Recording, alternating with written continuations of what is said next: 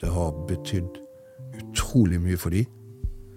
Og jeg har vel egentlig kanskje gjennomført det mest meningsfylte prosjektet i hele mitt liv.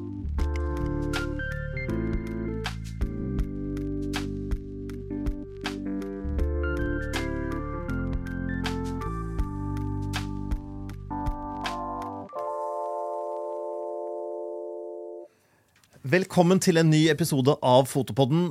Kjære ørevenner, kjære seere der ute. I dag skal vi snakke om ja, krig og fred og religion og politikk og sånne ting. Og til å hjelpe meg med det, så har jeg fått min gode kollega Ronny Larsen fra Bergen. Stemmer det? Kommet ens ærend helt bare for dette. Ja, praktisk talt nesten. Ja. Det setter vi stor pris på. Ja. Eh, Du har drevet med foto i en årrekke, men det er ikke først og fremst derfor vi har invitert deg. Det er jo litt for det fotoprosjektet du driver med nå. Men kan du, det kan vi holde som en liten sånn eh, overraskelse. Ja, ta en liten dessert på slutt. Ta en liten dessert på slutten. Ja, ja. Fortell litt om deg selv. Hva gjør du i denne bransjen? Hvor, hvorfor er du her? Nei, hvorfor er jeg her? Jeg, eh, jeg er jo her for at jeg jobber i Foto.no-systemet. Jeg holder til i Bergen. Og eh, har jo egentlig stelt med å pludre litt med foto siden eh, litt seint 60-tall, da. Det hele startet jo med at jeg eh, fikk et eh, kamera av eh, bestefar min. Sånn. En gammel Kodak Brownie. Oi, såpass, ja. ja. Ja, men, Ja. men. Og eh, dette kameraet her, det danner jo på en måte litt grunnlaget for interessen min rundt foto, da. Det starta jo med, med det. det ble, etter hvert så ble det mye bilder. Mer og mer bilder. Hadde en svakhet for mennesker foran kamera. Alltid hatt, egentlig. Kommer alltid til å ha. Eh, Så ble det mørkerom i klesskapet hjemme. Til stor glede for familien, selvsagt. I klesskapet, ja. I klesskapet. Ja. Klærne gikk ut, og skåler og kar og kjemi gikk inn. Vi andre vil gjerne ha vann og sånn i mørket nå. Men det Mm, Det hadde jeg tilgjengelig på kjøkkenet, så det ble litt mye frem og tilbake. Og slamring med dører og grising med kjemi og sånn. Og selvfølgelig denne gode lukten som følger med, da, som jeg syns er bare ja, Ja, for det var klesskap på soverommet, dette her. Dette var et klesskap for soverommet. Jeg håper du gjorde det på foreldrenes soverom, ikke ditt eget, da. Dette var mitt eget soverom. Ja, ok. Ja. Eh, Men det er klart etter hvert så spredde jo lukten seg til andre deler av huset. da. Det gjorde jo det. Så, eh, Men eh, bestemor hun var jo alltid kjærlig og god, vet du, så det at hun eh, syntes at dette var helt ok. Dette måtte jeg få lov å drive med. Men eh, bestefaren min var ikke av den samme oppfatningen. da, vet du. Sant? Han syntes jo dette var et mareritt. Så, eh, men det, der og da så bestemte jeg egentlig for at uh, dette var det jeg egentlig ville prøve å ha som yrkesvei. Ja. Jeg tenkte det at uh, dette var utrolig spennende. Det ga meg noe. Det ga et utløp for min kreativitet, som på det tidspunktet der var kanskje over gjennomsnitten høy. Og så, uh, så etter hvert så ble det jo da skole. Første skole jeg var på, der var det ingen tilgjengelige fasiliteter for å drive med foto. Men etter hvert så havnet jeg på de høyere klassetrinnene. Vi skifta skole når jeg skulle over i åttende klassen. Der var det mørkerom. Ah. Men mørkerommet hadde jo ikke vært i bruk på ti år, og det var jo fylt opp med gammel dritt. Så læreren sa det at hvis du rydder mørkerommet, hvis du rydder ut alt dette, så skal du få lov å bruke det mørkerommet så mye du vil. Det redda jo selvfølgelig meg og min Og da stilte de med kjemikalier og papir og ting? ja, jammen. Da fikk jeg tilgang på forstørrere, kjemikalier, kar og film og det hele. Så um, det var jo som å komme til eventyrland for meg. Eh, Det førte jo selvfølgelig til eh, rimelig dårlige karakterer.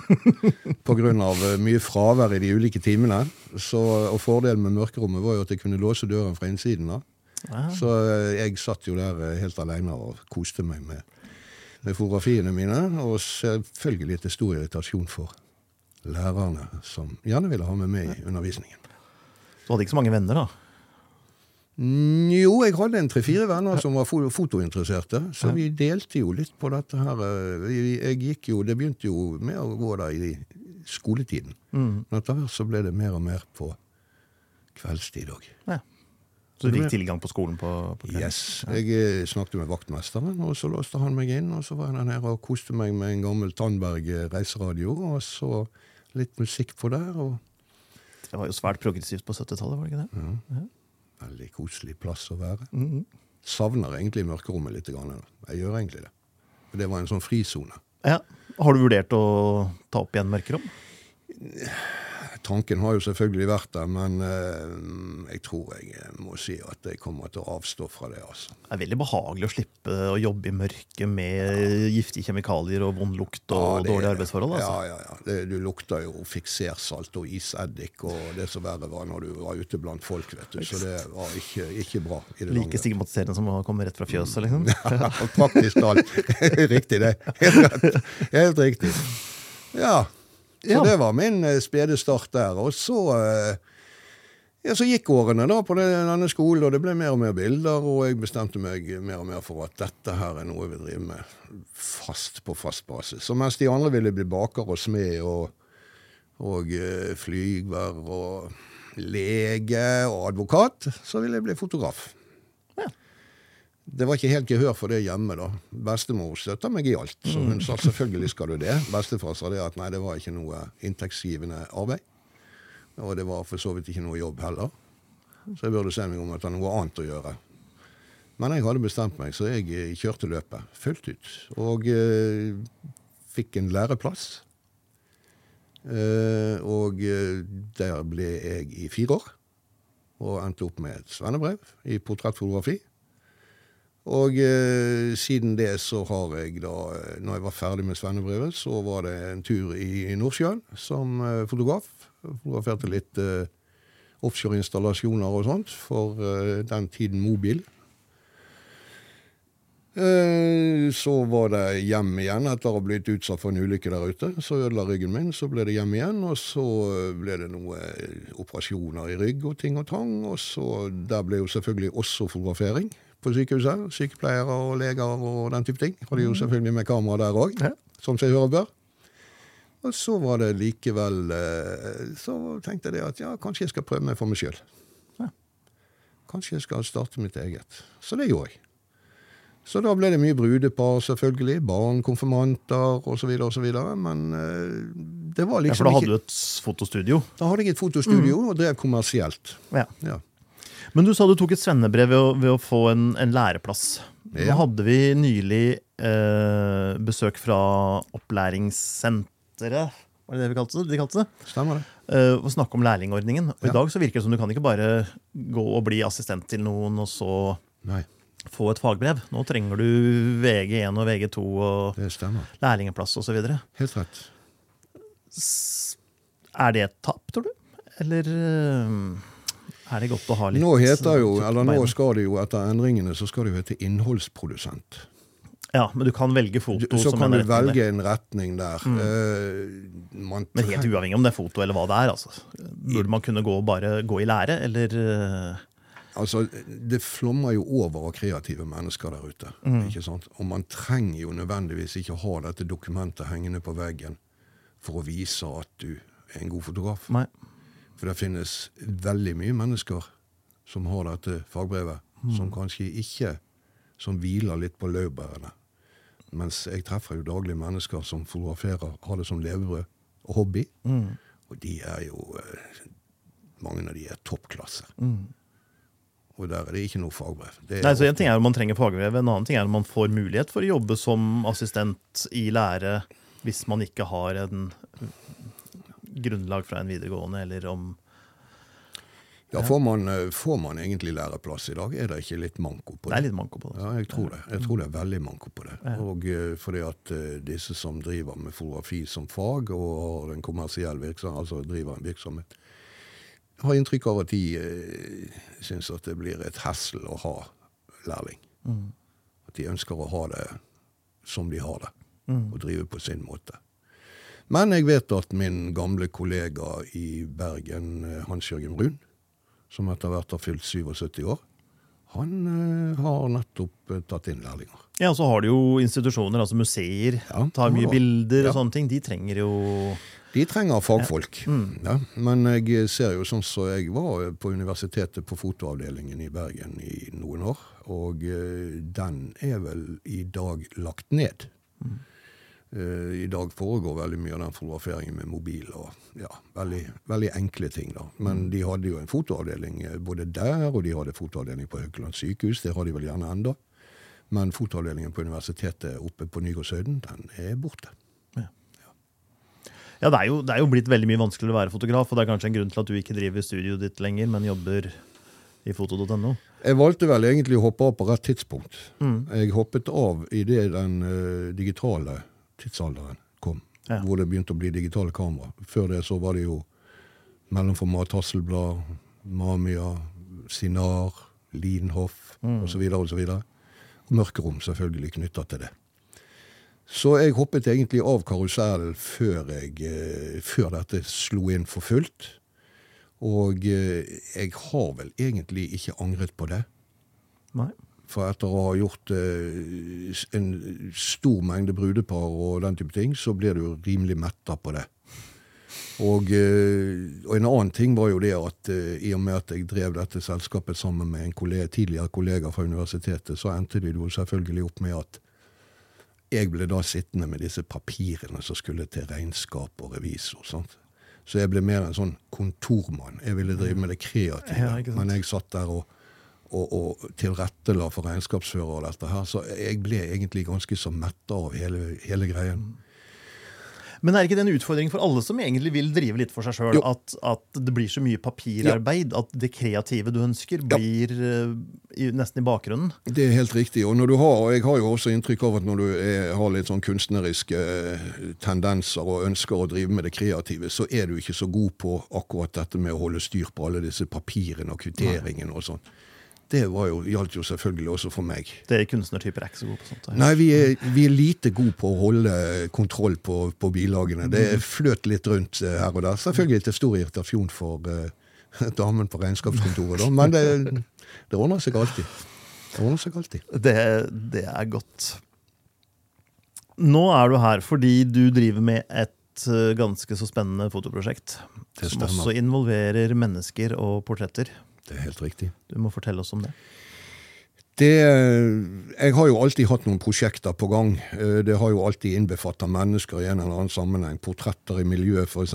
Skomakere, bakere osv. osv. osv. Men eh, dette prosjektet starter rett og slett eh, basert på at jeg eh, Man holder seg oppdatert i nyhetsbildet, og i den senere tid så har det skjedd mye rett på dørstokken vår. Det har brutt ut en krig i Ukraina som er en tragedie av stort format. Eh, Her er det mye mennesker berørt på alle mulige plan. Gamle, unge, kvinner, barn, menn. Eh, Og eh, dette har berørt meg veldig. Veldig. Jeg, jeg, jeg kjenner det i kroppen at dette dette er ikke bra. Så har jeg da underveis her truffet en del mennesker som har sin tilhørighet i Ukraina, men nå bor i Norge. Uten eh, noe særlig nettverk. Uten eh, ja, naboene vekke, hjemmet deres er vekke, osv. osv. Så, så jeg har fått litt, eh, jeg har fått litt informasjon knytta til dette her. Og ved en, ved en tilfeldighet så nevnte jeg det at jeg, har, jeg kunne faktisk tenkt meg å fotografere en del av disse menneskene. Så mange som mulig, egentlig. Og eh, da kom jeg i kontakt med en jente ved en tilfeldighet som bor der som jeg bodde før. Som var en ukrainsk flyktning. Forholdsvis ung dame. Som jeg nevnte dette til, og hun tente jo virkelig på den ideen, og mente dette burde absolutt gjøres. Og eh, da begynte på en måte ball å rulle, men så tenkte jeg jeg kommer sikkert til å møte litt motgang her. Kanskje det at eh, For jeg måtte involvere kommunen, Bergen kommune. De har jo da kontroll på disse flyktningene, og jeg tenkte vil dette bli for sårt, vil dette bli vanskelig å få til? Men jeg har møtt velvilje hele veien. De har vært utrolig glad for at jeg ville sette et ansikt på elendigheten. De har eh, tatt imot meg med åpne armer. Det har vært mye klem. Det har vært mye klemmer. Det har vært mye tårer. Det har vært mye historier. De vil selvfølgelig fortelle om dette som har skjedd med de der nede. Så eh, det har vært en eh, Det har vært eh, Opptakene til portrettene foregikk over to torsdager. Og det var, det var skikkelig tøffe tak, altså. For du møter Den minste jeg møtte der, var én måned gammel, riktignok født på Haukeland sykehus. da. Men jeg møtte også en små jenter på fem år. Fire år. Tre år. Du møter gamle, du møter unge, du møter mødre. Du møter egentlig alt. Og du møter dem ansikt til ansikt i en setting hvor du skal Du må møte dem med respekt, men samtidig så ønsker du å komme litt under huden på dem. Ikke sant? Ja. Og, og det gjør du ved å på en måte ha en, en, en samtale, men det er ikke så enkelt når, når de ikke kan engelsk. Og jeg er ikke så god på, på deres språk i det hele tatt. Men jeg var så heldig at jeg hadde med meg en tolk. Og da får du litt, eh, får du litt av den eh, inputen du trenger. Og eh, det, det opplevdes som, som egentlig ganske tøft. Jeg kan vel si såpass at første fredagen, eller natt til fredag etter det første opptakene var gjort, så var det lite nattesøvn. Mm. Det var mye som surret rundt i hodet, alle disse historiene. Jeg hadde også med meg en assistent, som er en svært god venn av meg, fra Bergen. Ikke en lærling? Nei, ingen lærling. Nei, absolutt ingen lærling. Og eh, han var veldig i tvil om han ville delta på dette prosjektet mitt, fordi at han eh, mente det at dette kunne bli litt tøft for han. Og jeg sa også det at eh, ja, det må du være forberedt på at det kan bli tøft.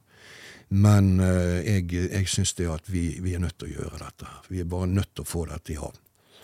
Så, så det gjorde vi, og, og dagen, første torsdagen da, eh, tidlig på dag, startet da med seks soldater. Som da er til behandling på sykehuset. Ja, ja. Som ikke er flyktninger, men som er for behandling. De er for behandling. Og eh, en av disse soldatene, han eh, reagerte veldig på blitslyset. Ah, ja. Og gikk jo ned. Ble svimmel og dårlig. Granatsjokk-type- Ja, type granatsjokk. Mm. Det gjorde jo et eh, Altså, det gjør et inntrykk på deg, for du, du, du aner liksom ikke hva disse menneskene har gått igjennom, ikke sant? hva disse soldatene har opplevd uh, under disse her uh, forferdelige aktivitetene som disse russerne driver med der nede. Det er nok en Så- sånn flashback på en sånn Ja, det er mye, PTSD. ja, det er mye der, altså. posttraumatisk eh, stresslidelse ute og går der. Så det endte jo da opp med at eh, vi måtte ta en pause der. Men uh, han kom til seg sjøl igjen, og vi fikk gjennomført uh, av han. Men, og etter det så ble det barn. Det ble kvinner. Det ble familiegrupper. Det ble stort sett en, en veldig blanding. Men det jeg reagerte på der, det var lite unge menn. Ja, for de får ikke lov å dra. De får ikke lov å dra. De er igjen der nede. Mm. Og eh, her var det også mange da som selvfølgelig hadde sin mann der nede, og usikkerheten rundt hvordan går det.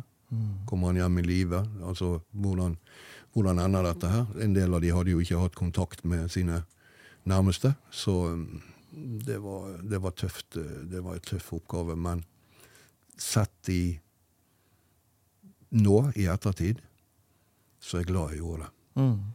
Det har betydd utrolig mye for de. Og jeg har vel egentlig kanskje gjennomført det mest meningsfylte prosjektet i hele mitt liv menneskene. Jeg vil tilbake til det etterpå, men, men først hvordan uh, Du får det til å høres ut som et todagersprosjekt, dette her. Jeg regner med det er eh, noe mer enn det. Hvordan valgte du ut folk du skulle eh, ta bilde av, og kjente du historiene deres på forhånd, og hvordan valgte du å vinkle dette her? Du må ha vært veldig veldig forberedt når du skal gjøre det på to dager. Vi, vi hadde en samtale i forkant uh, hvor jeg uh, hadde et, et informasjonsmøte. Hvor det der var to tolker til stede, pluss representant fra kommunen. Og eh, vi inviterte da alle som hørte til. Dette er et sånn såkalt aktivitetssenter, da, hvor de går og får mat og klær og snakker sammen og har det litt sosialt. Så var, jeg var innom der. Jeg hadde en eh, to og en halv, tre timers eh, samtale med de. Jeg forklarte hva, hva tanken var bak prosjektet, jeg, hvorfor jeg ville gjøre dette her. Og eh, det, jeg brukte mye ikke, Jeg vil ikke si at jeg brukte mye tid på å overtale dem, for det var ikke nødvendig å bruke noen overtalelsesmetoder. Det som var nødvendig her, det var å få en eh, Få fortalt dem hvorfor. Hvorfor vil jeg gjøre det? Hvorfor, vil jeg, hvorfor ønsker jeg å ha dere foran kamera? Og etter hvert som de forsto det, og at de skjønte det at dette skulle gjøres med respekt, og at dette ikke var noen kommersielle greier hvor det skulle penger og, og, alle disse greiene, og at de skulle betale noe for dette her og sånt, så ble gleden egentlig ganske stor. Så den dagen så ble det mye klemmer. Og mye glede. Så ingen som følte at det var en form for krafsing i deres tragedier? Absolutt ikke. Nei. Absolutt ikke. De ga uttrykk for at de var eh, De var veldig glad for å på en måte få frem menneskene bak tragedien. At jeg ville bruke deres eh, ansikt for å sette eh, for, for, å få en person knytta til dette. For vi ser jo daglige reportasjer fra Ukraina Mm. Hvor det er bomber og granater og det er eh, alskens greier. ikke sant? Men vi ser sjelden menneskene ja. som er, er, er, direkte berørt. Og det syns jeg var veldig viktig å, å få frem. Og det ble, det ble, en stor glede for dem, for de følte seg faktisk, som flere sa, vi føler oss litt glemt. Og det er vanskelig for meg å forstå. Mm. Men eh, etter å ha hatt noen samtaler med dem i etterkant, så, så, jo, så forstår jeg at de kan føle seg litt glemt. Jeg, eh, jeg inviterte da en mor med sin sønn. Uh, som, som, satt mye hjemme, ikke hadde noe, ikke hadde noe nettverk. Uh, og inviterte de, og han fikk bestemme plassen, og han hadde lyst til å gå på McDonald's. Mm. Så jeg tok da det som er på McDonald's. Det er kanskje ikke mitt spisested nummer én. Eh, men jeg eh, valgte å gå med de der. Og det gjorde hans dag eh, til skikkelig lykkedag. Men fotograferte du der, eller var Nei, det bare for å Det var bare for å snakke litt ja. og ha litt uh, samtaler med mm. dem, og på en måte få litt uh, mer kjøtt på beinet knyttet til hva hun har opplevd, mm. og hva, hvordan de kom seg ut derifra. Det var jo totalt kaos når når de rømte. da. Hun hadde denne sønnen på syv år. Og han uh, forsvant jo foran, foran på jernbanestasjonen der nede. Fordi at det kom bare folk og hentet ungene og putta de inn på et tog. Ja, ja. Og der sto hun igjen alene og visste ikke hvor han var. Nei. Og tenkte hva skjer nå? Og da har du ett barn, ja. og du er helt alene i denne verden utenom denne gutten. Og hun hadde da en, en mor som hun heller ikke visste hvor var. Så alt var helt kaotisk. Det er også historier som forteller det at de, de, gikk jo de gikk jo milevis for å komme til grensen, den polske grensen. Og eh, jeg ble fortalt historier som jeg eh, Som kanskje ikke egner seg her. Eh, folk som rett og slett med kaldt blod ble henrettet fordi at de Tja, de visste ikke grunnen. De hadde ikke gjort noe galt. De ville bare ut av landet. Mm. Komme seg i sikkerhet. Ja, det er jo, altså I en flyktningsituasjon så er det jo Dukker det opp sånne tragedier. Men, men var det ikke lettere her når de flykter fra ikke sine egne myndigheter? Var det ikke, jeg ser for meg at det var lettere å sette seg på et tog til Polen enn å skulle kravle seg over et pass, fjellpass i Afghanistan. Det kan du gjerne si. Der er jo mye elendighet rundt forbi hele kloden. Vi mennesker er jo utrolig stygge med hverandre, sånn egentlig. Uh, de hadde jo en del de hadde en del logistikkutfordringer med dette her. Uh, der lå jo På det tidspunktet når de rømte, så var det jo da snikskyttere som lå og plukket ut vilkårlige mål. Så, så, det er klart at dette, dette stressmomentet og denne her eh, De, de fikk en telefon eh, fra Russland hvor foreldrene Eller hvor, hvor eh, noen av familien bodde. Og der hadde jo de fått vite det at dette var ingenting å bekymre seg over. Dette var bare en spesialoperasjon som måtte, gjøres. Uh, og, men etter hvert som tiden gikk, så, så forsto de jo det at dette var mer enn en spesialoperasjon.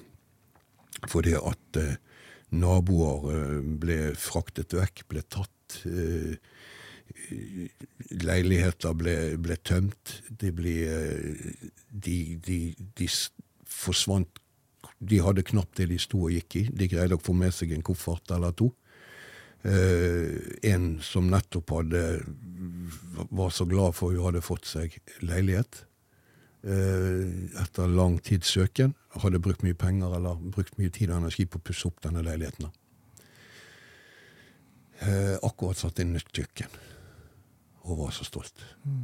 Og måtte forlate hele greien. Og i dag så er den blokken vekke. Så um, sterke, sterke historier som, som, får, som har på en måte endret meg som person. Det har endret mitt, eh, det har endret mitt synspunkt på ting som eh, vi, vi er ofte flinke til å klage. Vi klager på været. Vi klager på at biffen ikke mør nok. ikke sant? Altså, Vi har så mye vi klager på. Vi har egentlig absolutt ingenting vi kan klage på. Nei, altså skal du sette det i et sånt perspektiv, så har vi jo ikke det. Nei. Ehm, Det er faktisk en av mine kjepphester også. Jeg har stort sett holdt meg unna alle krigssoner, men jeg har bodd og jobbet i et utviklingsland.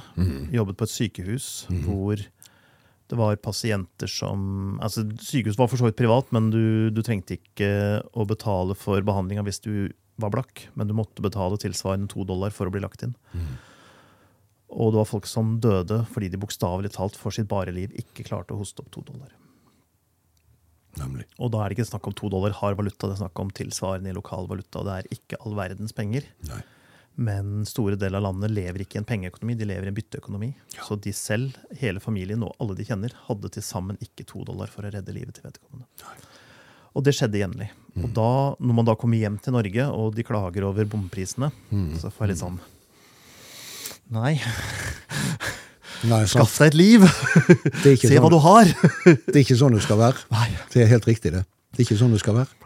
Og, og jeg syns det er helt fantastisk at vi har dette landet, og at det er så bra, og at vi ikke har noe annet å klage over enn en vær og, og biffen og, og bomprisene. Men viten å sette pris på det du har, Ja, det er helt enig. er på en måte min, Ja. min greie. For jeg ja.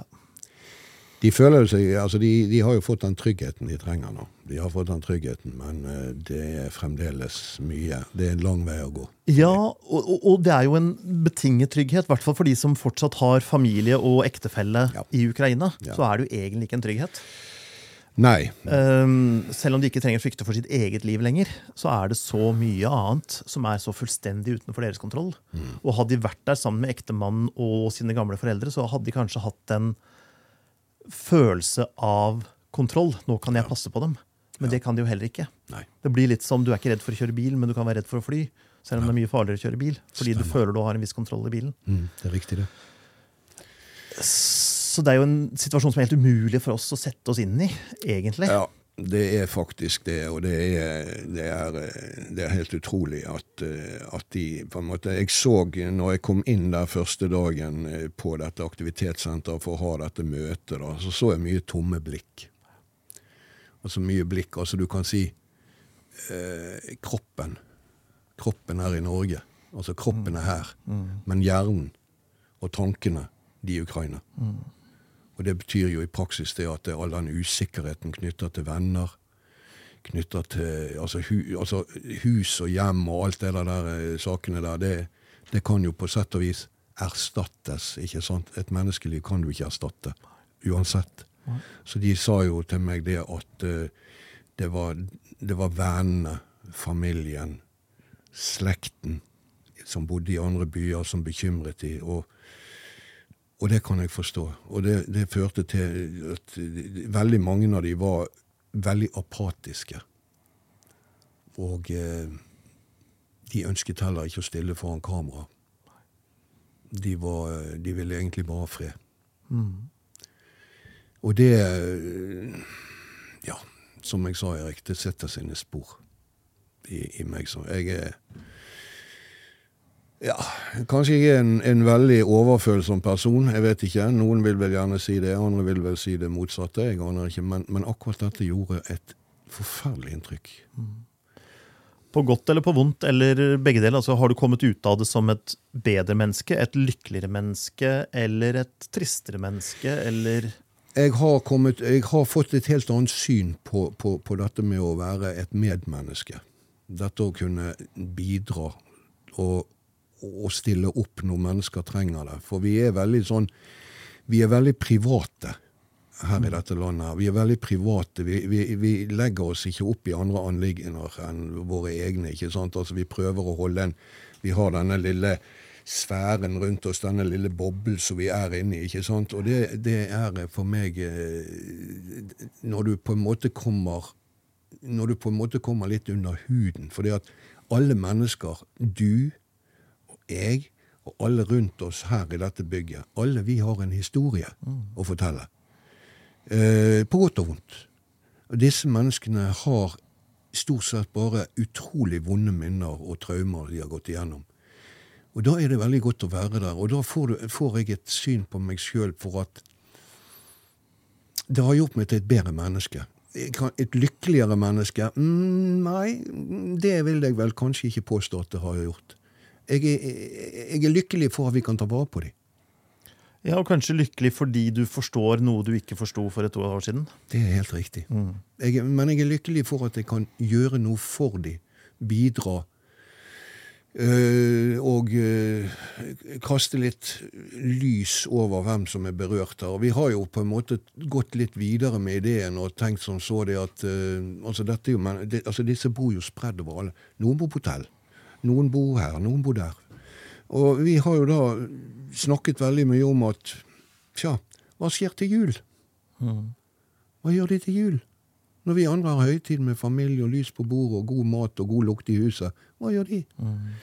Så vi har, jo, vi har, jo, faktisk tenkt å ta dette et steg videre og arrangere da en skikkelig gjennomført julefeiring for alle. Mm. Med mat og drikke og gaver og ja, i det hele tatt. Bare for å gi dem en viss Altså, for å få tankene vekk. Om ikke annet enn bare for noen timer, for et døgn.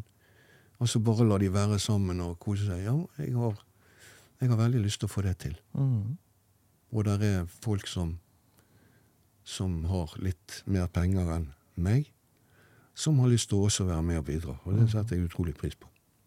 Det kan jo gjøres uten penger, så man kan jo oppfordre folk til å invitere en flyktning hjem. Det kan man selvfølgelig Et eller annet sentralt sted man kan si hei, jeg kan ta én, eller jeg kan ta to, eller jeg kan ta en familie. Eller, det kan man gjøre. Og så får man det kan man, det er også en løsning. Men det er selvfølgelig ofte språkproblemer, da. Ja, det er jo en utfordring der. Og du må ha tolker, mm. fordi at eh, de er eh, mildt sagt veldig dårlig i engelsk. Men jeg har, treff, jeg har faktisk truffet uh, flyktninger som har vært der i ca. et år, som snakker veldig godt norsk.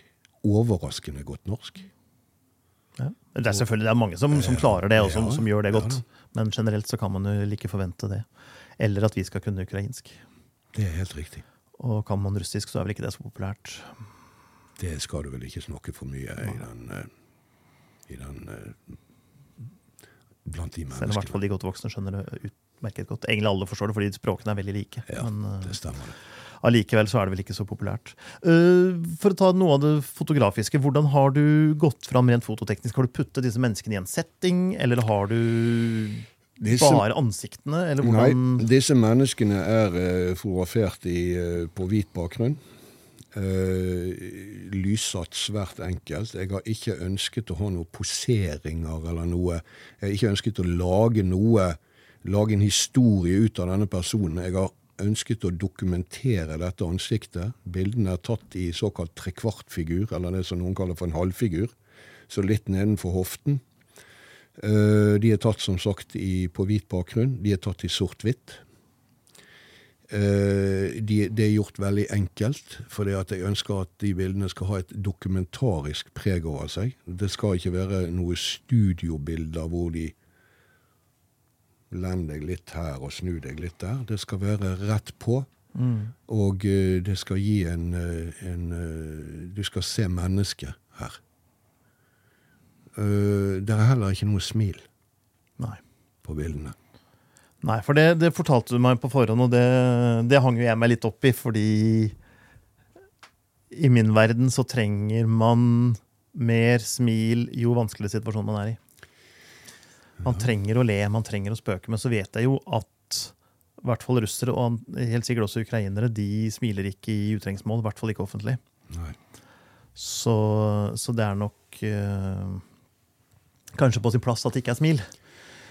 Men, Situasjonen tatt i betraktning, så var det på en måte ikke noe rom for smil å stå der. Og jeg følte vel at det kanskje ikke var helt meg å stå der og lage litt sånn ablegøyer for å Nei, få dem til å smile. men hvis du hadde for et barn og en voksen, og det var interaksjon mellom dem Det, Så- det er det i aller høyeste Mm. grad. Interaksjon mellom barn og voksen og, og sånt. Men jeg, eh, jeg ville ha de. Og en annen ting er jo det at når vi smiler, så endrer ansiktet seg. Mm. Ikke sant? Og vi, vi går ikke rundt hele dagen og Vi ser jo ikke sånn ut. Ja, sånn. altså, vi er jo ganske reserverte mennesker i dette landet. da. Så, vi, eh, så jeg vil egentlig ha de akkurat sånn som de er i det daglige, og, eh, og det ble det. Og bildene blir jo da eh, produsert i en størrelse på rundt eh, 80-80, 90-90, med velvillig bistand fra min arbeidsgiver foto.no. Så grei arbeidsgiver du har, ja. Ja, fantastisk. Det er faktisk en av de beste arbeidsplassene jeg har hatt i mitt liv. Jeg koser meg hver eneste dag. Jeg gleder meg til å gå på jobb. Jeg eh, kommer alltid lenge før jeg skal på jobb. Jeg blir ofte sittende igjen lenge etter jeg skulle gått hjem. Jeg, dette er stortrives. Jeg, det er en fantastisk arbeidsplass med en utrolig gjeng med gode kollegaer. Det er hyggelig å høre. Jeg føler det på samme måten. Men det var egentlig ikke reklame for oss vi skulle drive her. Altså. Nei, det var egentlig ikke det. Nei, det er helt så- sant. Stryk, stryk den. Stryk den. Um, ja, så egentlig bare rett på bakgrunnen. Og disse soldatene, kunne de liksom stille opp, eller er de fotografert i senga? Eller er de Nei, vi, vi hadde noen bekymringer der, fordi at eh, det ble litt feilinformasjon knytta til det. Uh, I utgangspunktet så var det sagt at de kom direkte fra sykehuset. Og jeg så jo for meg da ambulanser og bårer og i det hele tatt. sant? Så jeg var jo forberedt på det absolutt verste som kunne skje. Men eh, de kom heldigvis i ett stykke. De hadde jo ulike Et stykke hver. et stykke hver.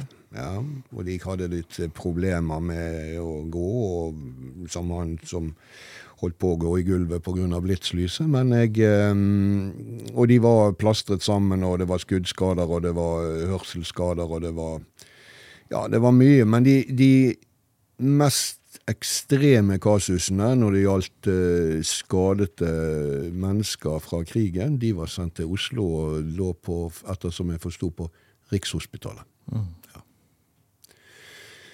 Så, eh, så, så på en måte det var jo en For der hadde jeg sett for meg at uh, dette kan bli tøft. For, men heldigvis, for å si det på den måten, så hadde jeg fått uh, litt feil informasjon knytta til det. Så det, det letter litt på Det letter litt på det hele. Hvordan henter du ut det blikket eller det uttrykket du ønsker når kommunikasjonen er så vanskelig? Det gjør du eh, normalt sett med, med mennesker som snakker samme språket som deg, eller som du kan snakke Altså som har et internasjonalt språk, du kan prate engelsk eller Det er en forholdsvis enkel affære. Det foregår med en samtale. Og da er det veldig greit også så kanskje som gammel portrettfotograf gjennom mange år, så, så foregår det i min verden ved at jeg setter meg litt inn i denne personen.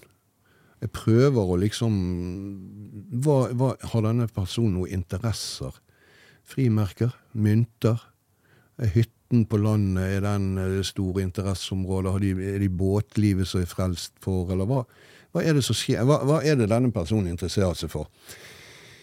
Og da må du sette deg litt inn i dette her, sånn at du kan føre en samtale som går over en fem-ti minutter om dette temaet. For det at da senker de skuldrene. Da slapper de av, og da har du den muligheten til å komme inn under denne huden, som de kaller det for på fint. Og få akkurat det uttrykket du leter etter. For hvis du begynner å stresse rundt i studio, og jeg skal bare flytte denne lampen her, et lite øyeblikk, jeg skal bare måle lyset her, et lite øyeblikk, her, her er noe som feiler, da stresser du de. De er ikke interessert i å vite hva du egentlig bare skal.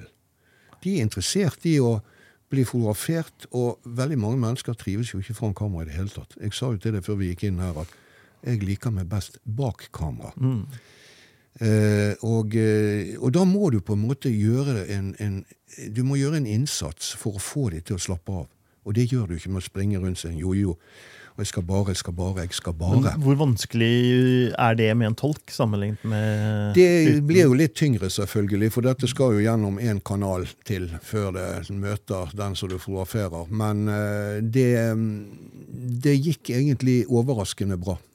Det gikk egentlig bedre enn hva jeg hadde trodd på forhånd. Og vi hadde jo da en, en tolk som var eh, som, som forsto Jeg hadde en samtale med henne i forkant så, eh, som visste hva jeg egentlig var ute etter, og, eh, og, og brukte tid. Og det er viktig å ha tid når du fotograferer.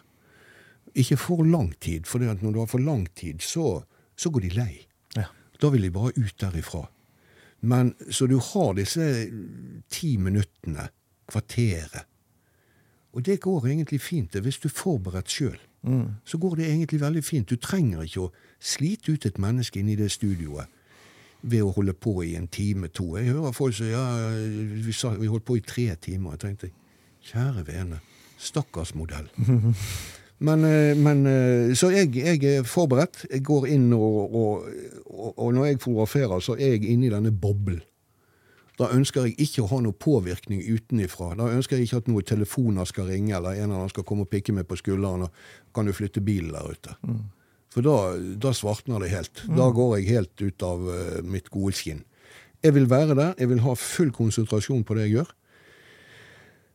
Og, eh, og alt er jo på en måte rigga på forhånd, så det er jo bare små justeringer som skal til når, når vedkommende kommer. For de har ulike, ansikts, ja, ulike ansiktsform, høyde mm, sant? Noen er runde i ansiktet, noen er slange Altså, noen har uh, ting som, som må lyses, lysettes på ulike måter. Og da må du Da må du Hadde du tatt prøvebilder for eksempel, på forhånd, så du visste det? At de som skulle ha et bløtt lys, kom først, og de Ja, som skulle ha et hardt ja. lys, kom etterpå? Og så videre? Mhm. Jeg, gjorde, og jeg gjorde det faktisk Mm. på det møtet som vi hadde i forkant. Og det er med skam å si at jeg brukte telefonen min til å gjøre det. da. Men, Ja, men det er jo Det ikke noe skam, det, hvis du bare er for å, å, å se det. men for en som liker å på en måte bruke telefonen til å bare ringe med Mm. og motta en tekstmelding og sende noe sånt, så er jo dette her litt nedtur, da. Men, eh, men eh, jo da, jeg gjorde det. Mm. Jeg gjorde det. Så du slapp å rigge om lyset for hver person? Ja, jeg eh, hadde jo eh, det, det gikk egentlig veldig greit. Du bruker lyskilder som er beregnet på Det ble jo på en måte en massefotografering, dette her, da. Mm. Men, men det må ikke bli en sånn fabrikk.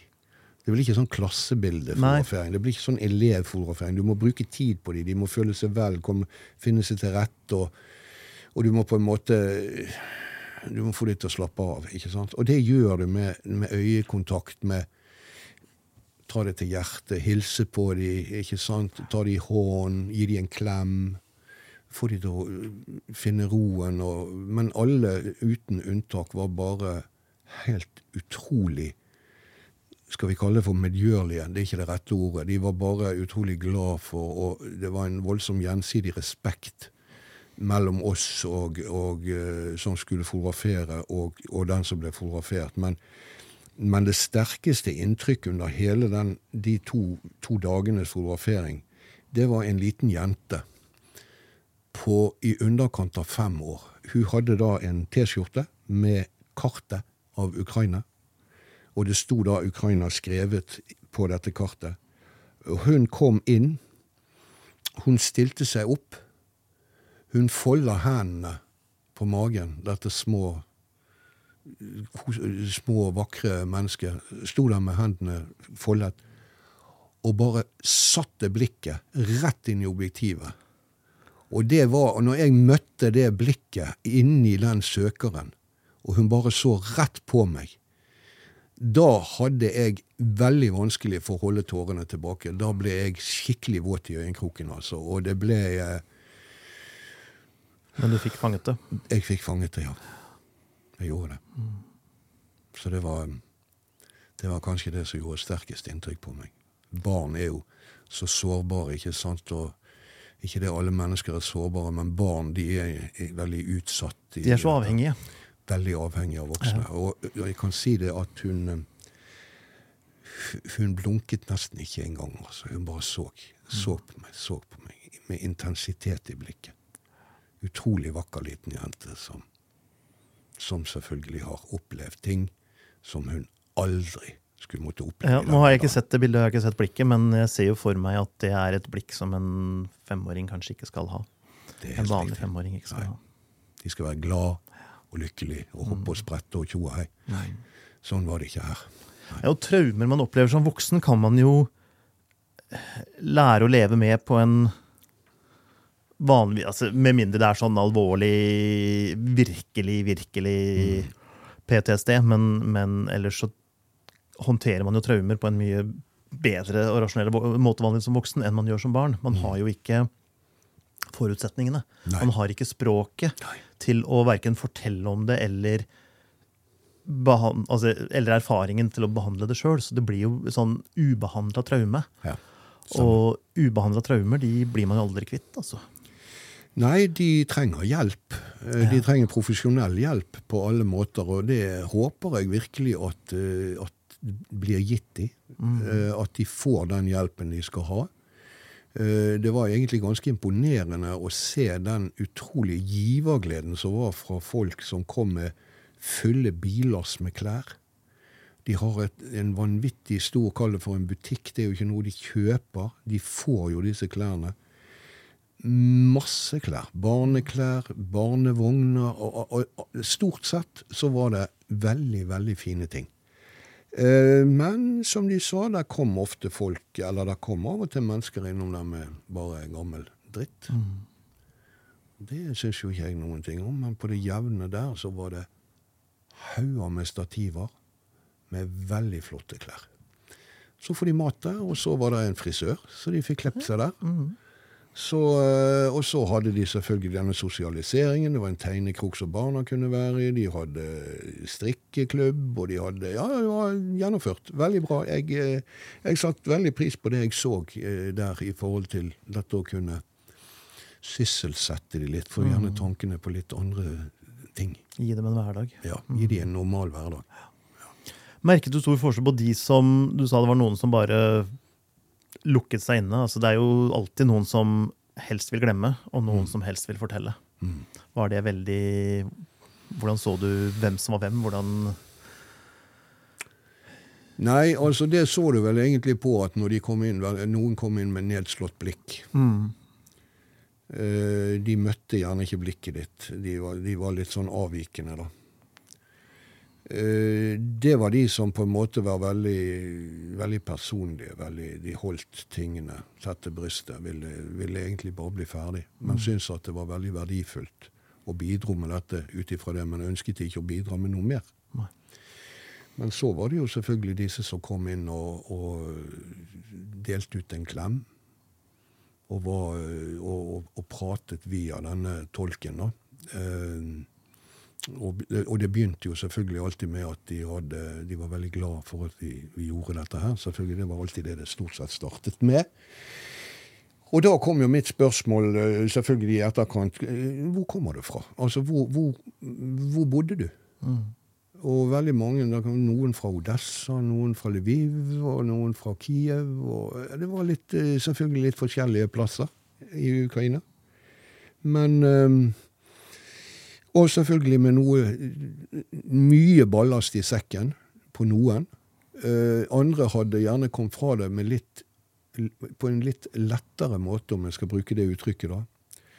Uh, og de som hadde gjerne mest ballast i sekken, det var vel gjerne de som ønska å prate litt om Og få lett- lette litt på trykket, da. Og jeg, uh, jeg prøvde jo å bidra som best jeg kunne. Jeg er jo ikke noen psykolog.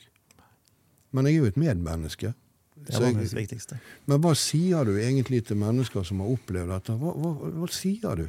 Altså, det blir jo til at du kan stryke det litt på kinnet, og, og du kan nikke, og du kan eh, prøve å, å, å forstå følelsene. Men det er ikke så enkelt uh, og, når du ikke har den faglige bakgrunnen for å og, og, og på en måte Du blir en litt sånn sjelesørger, ikke sant? Mm. Nei, men det er ikke nødvendig at du sier noe. Nei. Det som er viktig, er at du lytter. Ja, Og at du er der, og du viser en sympati. det er helt rett. Og hvis du bare sier 'jeg føler smerten din', ja. Det gjør du. så har du egentlig sagt det du trenger å si. Trenger ikke si noe mer enn det. Det er helt sant.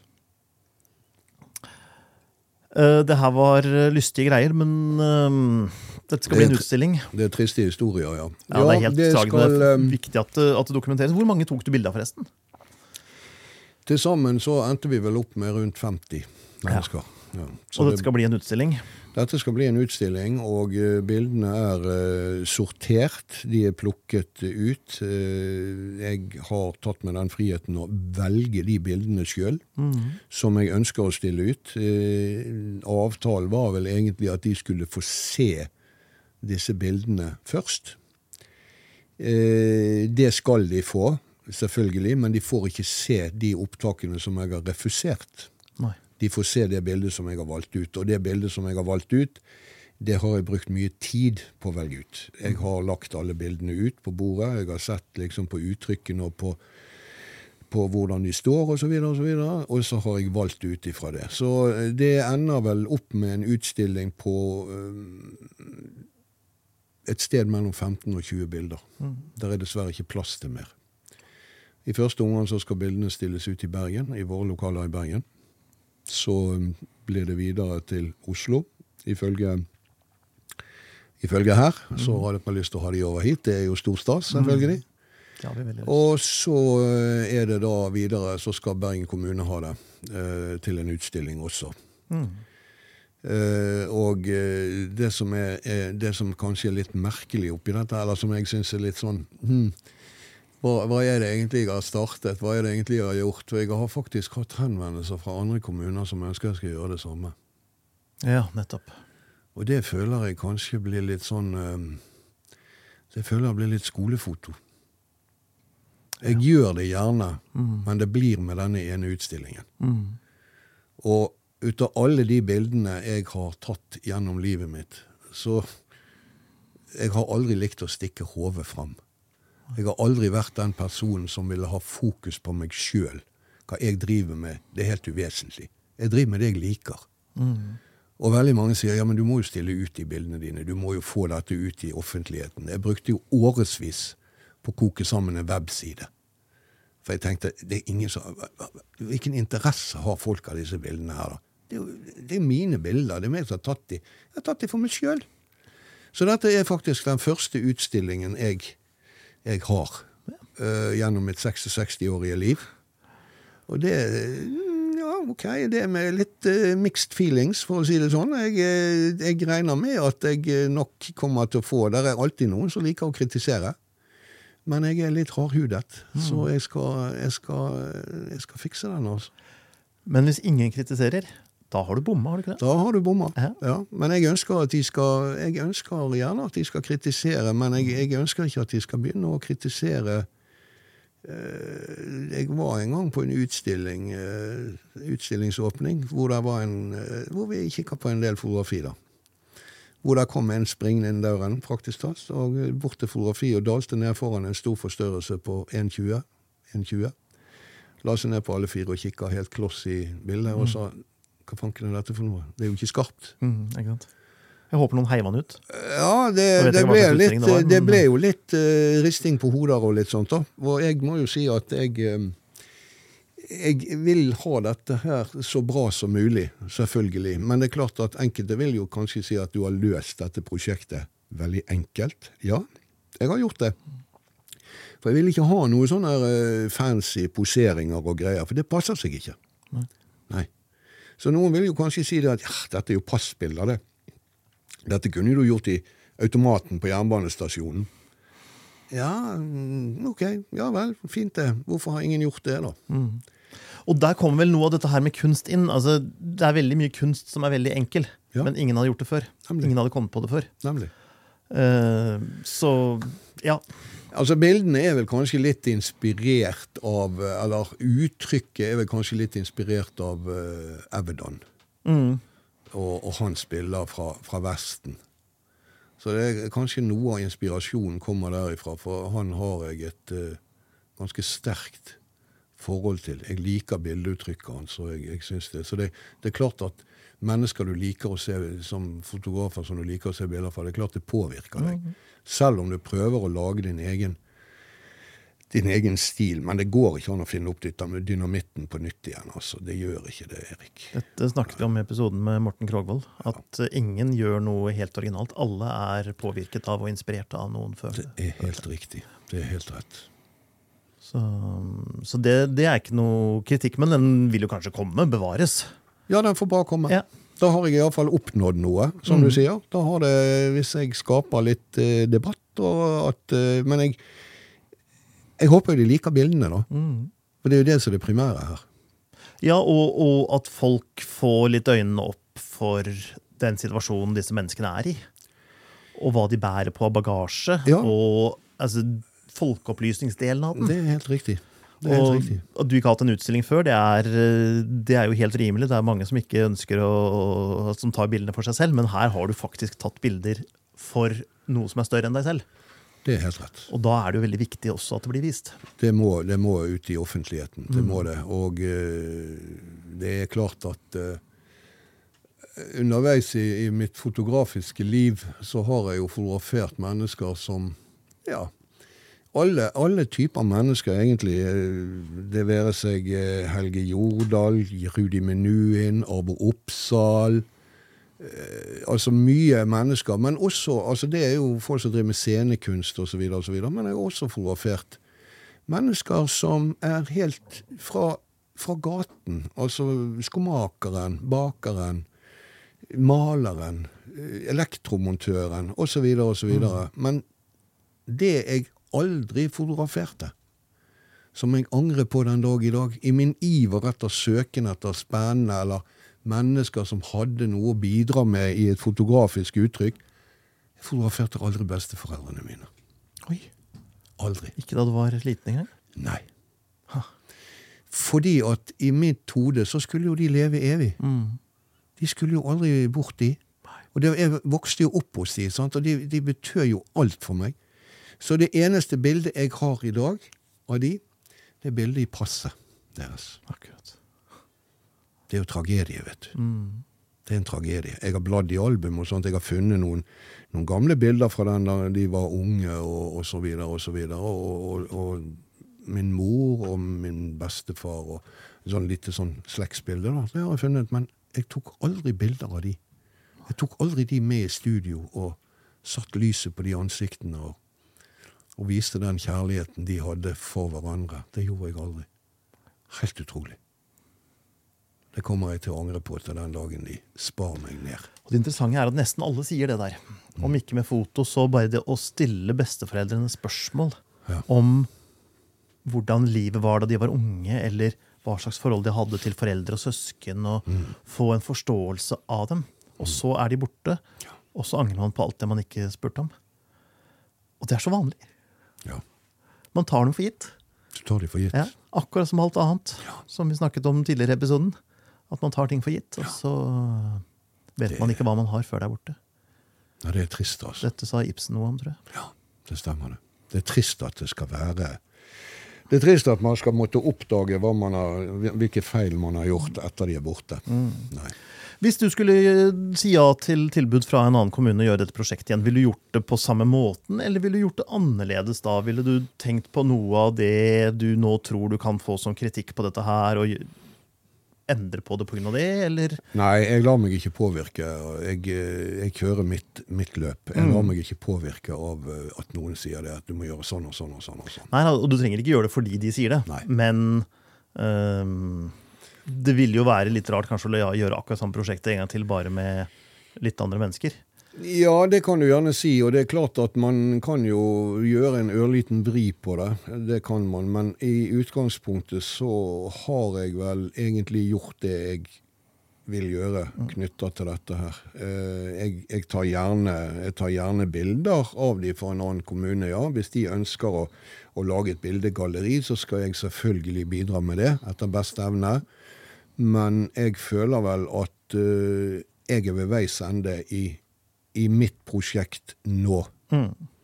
Der, er jeg, der er det stopp nå, og så er det å få produsert bildene og få klebet de og få, få de på veggen. Jeg, jeg bruker alltid å si at uh, et bilde er ikke et bilde før det er på vegg. Før det så er det bare en fil. Eller et negativ. Ikke sant? Det må, det må på vegg. Det må, det må ses av mennesker. og det, Jeg gleder meg faktisk til å få de opp og, og, få, og få sett de. For det, nå, det, nå har jeg på en måte fått bearbeidet litt grann dette her med disse små tingene som jeg opplevde når jeg sto foran disse personene og menneskene her. Jeg har på en måte fått bearbeida disse følelsene mine. Men uh, de vil nok komme tilbake igjen for fullt når jeg kommer til å se det i sitt store formater. Jeg mm. kjenner det allerede når jeg sitter og jobber med det på skjermen, at uff, det er noen jeg, jeg tenker Når jeg, jeg, sitter og jobber med bildene, så det er noe, ja, han eller henne tar jeg litt seinere. Ikke sant? Det blir litt langt utafor komfortsonen noen ganger. Ja, veldig. Men det er det vi vokser på som mennesker. Ja. Du kommer kanskje ikke ut av det og føler deg så mye lykkeligere, men du har vel vokst. Du har vel lært noe om deg selv, lært noe om mennesker og noe om følelsene dine. Og da ja, har man oppnådd noe, tenker jeg. Jeg har det. Jeg har lært mye om meg sjøl. Mm. Og jeg har, eh, jeg har hatt veldig nytte av det å ha fotografert mennesker gjennom hele livet mitt. Mm. Jeg tror ikke du kunne gjort det uten Nei, du kunne ikke bare bøkst inn i dette her greiene og begynt å fotografere. Du kunne ikke bare fått den ideen som OK, nå skal jeg ta bilder av ukrainske flyktninger, eh, bla, bla, bla. Nei, det kan du ikke gjøre. Du må ha denne der du må ha det der i sekken din, så du har med deg etter alle de menneskene du har møtt og snakket med og hatt en samtale med osv. Dette må du ha det må du ha med deg som ballast inn i dette her eh, prosjektet. Mm. Fordi at det er det å jobbe med mennesker, altså å fotografere noe mat, ta bilder av et hus, ta bilder av noe natur mm. Det, er, det er for så vidt eh, Det er en helt enkel, enkel og grei greie. ikke sant? Det er der, det. Det står noe der. Sant? Men dette er mennesker. Og på toppen av det hele så er dette mennesker som har opplevd forferdelige greier. Og da, da, må gjøre, da, må du gjøre, litt andre ting. Mm. Da må du være litt psykolog, du må være litt sjelesørger, du må være fotograf. Du må ha på deg flere hatter. Samtidig. Samtidig. Mm. Jeg har ofte flere hatter, men bare én av gangen. Du har én av gangen. Ja, Jeg har ikke hatt i det hele tatt. Jeg har hatt en hatt. Ja. ja. Den du hadde hatt? Nei. Ja. Riktig, det. Er det noe vi ikke har dekket, som du gjerne som du har på hjertet? Nei, jeg tenker vel vi har vært igjennom det meste. Og det jeg brenner for akkurat i, i øyeblikket, det er denne utstillingen, som jeg håper skal være klar til uh, en gang ute i oktober. Mm. Vi gleder oss veldig til å se den. Takk for at du kom, Ronny. Takk til alle dere som så på, hørte på. Gå ut og ta noen viktige bilder. Mitt navn er Erik Forlund, teknisk ansvarlig Thomas Brun.